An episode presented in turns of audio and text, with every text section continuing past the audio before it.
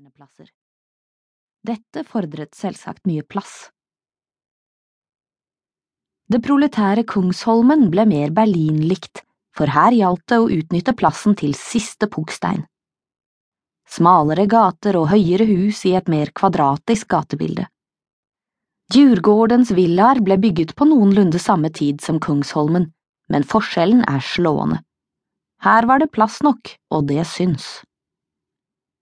Normalm er blitt eksponenten for den moderne funksjonalisme, med firkantede kasser i betong, glass og stål, og selvsagt plassbesparende kvadratur, iblant i flere etasjer.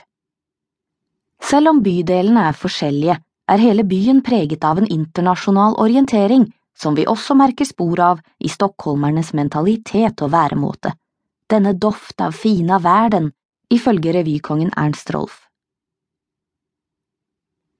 For mange begynner opplevelsen av Stockholm i Gamla stan. Det er umulig ikke å bli grepet av fascinasjon og begeistring. Hvis du ikke kjenner byen fra før, kan det nesten virke overraskende at det befinner seg en så godt bevart middelalderby i hjertet av en hypermoderne storby. Vi vandrer gjennom trange, brostenslagte smug mellom åpne plasser, med Jerntorget og Stortorget som svært hyggelige opplevelser. Enda mer begeistret blir jeg når jeg smyger meg inn i det som nærmest bare er et hull i veggen, og kommer ned på et idyllisk lite torg med en enkel fontene. Et annet sted klatrer jeg oppover en trang, bratt gate som for det meste er en trapp. Riktignok må den besøkes på dager når turistene ikke er så mange, gjerne tidlig i uka, om vinteren. For ellers står denne gata omtalt i alle turistbøker, og turister går gjerne i flokk. Det ser vi også foran statuen av Evert Taube på Jerntorget. En guttegjeng har samlet seg rundt statuen for å ta bilder. En løfter på brillene, slik Taube også gjør, og en annen legger armen godt rundt den berømte visedikteren.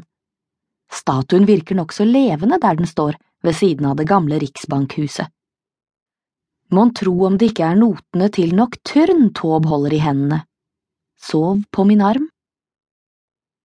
På den andre siden av torget lå Bellmanns figur Fredmann i rennesteinen etter en bløt natt og forbannet sin mor for at hun hadde satt ham til verden.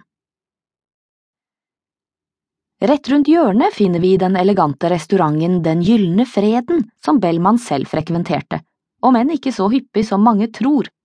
Den var nemlig nesten like dyr og fin den gang som nå. Kommer du en torsdagskveld, kan du kanskje få stalltips om hvem som får neste nobelpris i litteratur. Da møtes nemlig Svenske Akademien til en treretters middag slik de har gjort siden Bellmans dager. På Stortorget med sin karakteristiske vannpost finner vi Nobelmuseet, der børsen tidligere lå. Her utropes den årlige vinner av Nobelprisen i litteratur. Fortsetter du langs gaten forbi Den gylne freden, kommer du til Slottet, faktisk et av Europas aller største.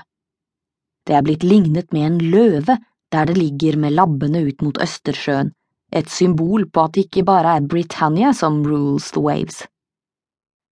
På Slottet er det flere museer å se, foruten tronsalen og de tidligere kongelige leilighetene.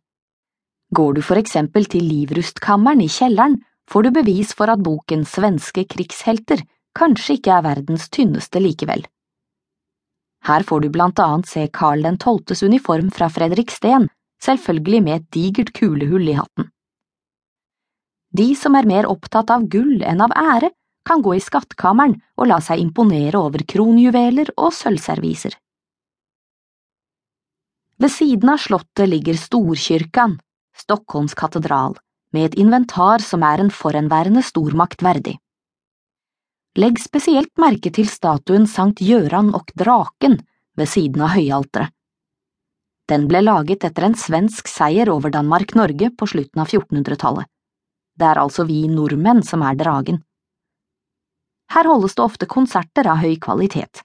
Mange av dem har gratis adgang, så sjekk gjerne ut hva som skjer. Svenske konger finner du imidlertid ikke i Storkirken.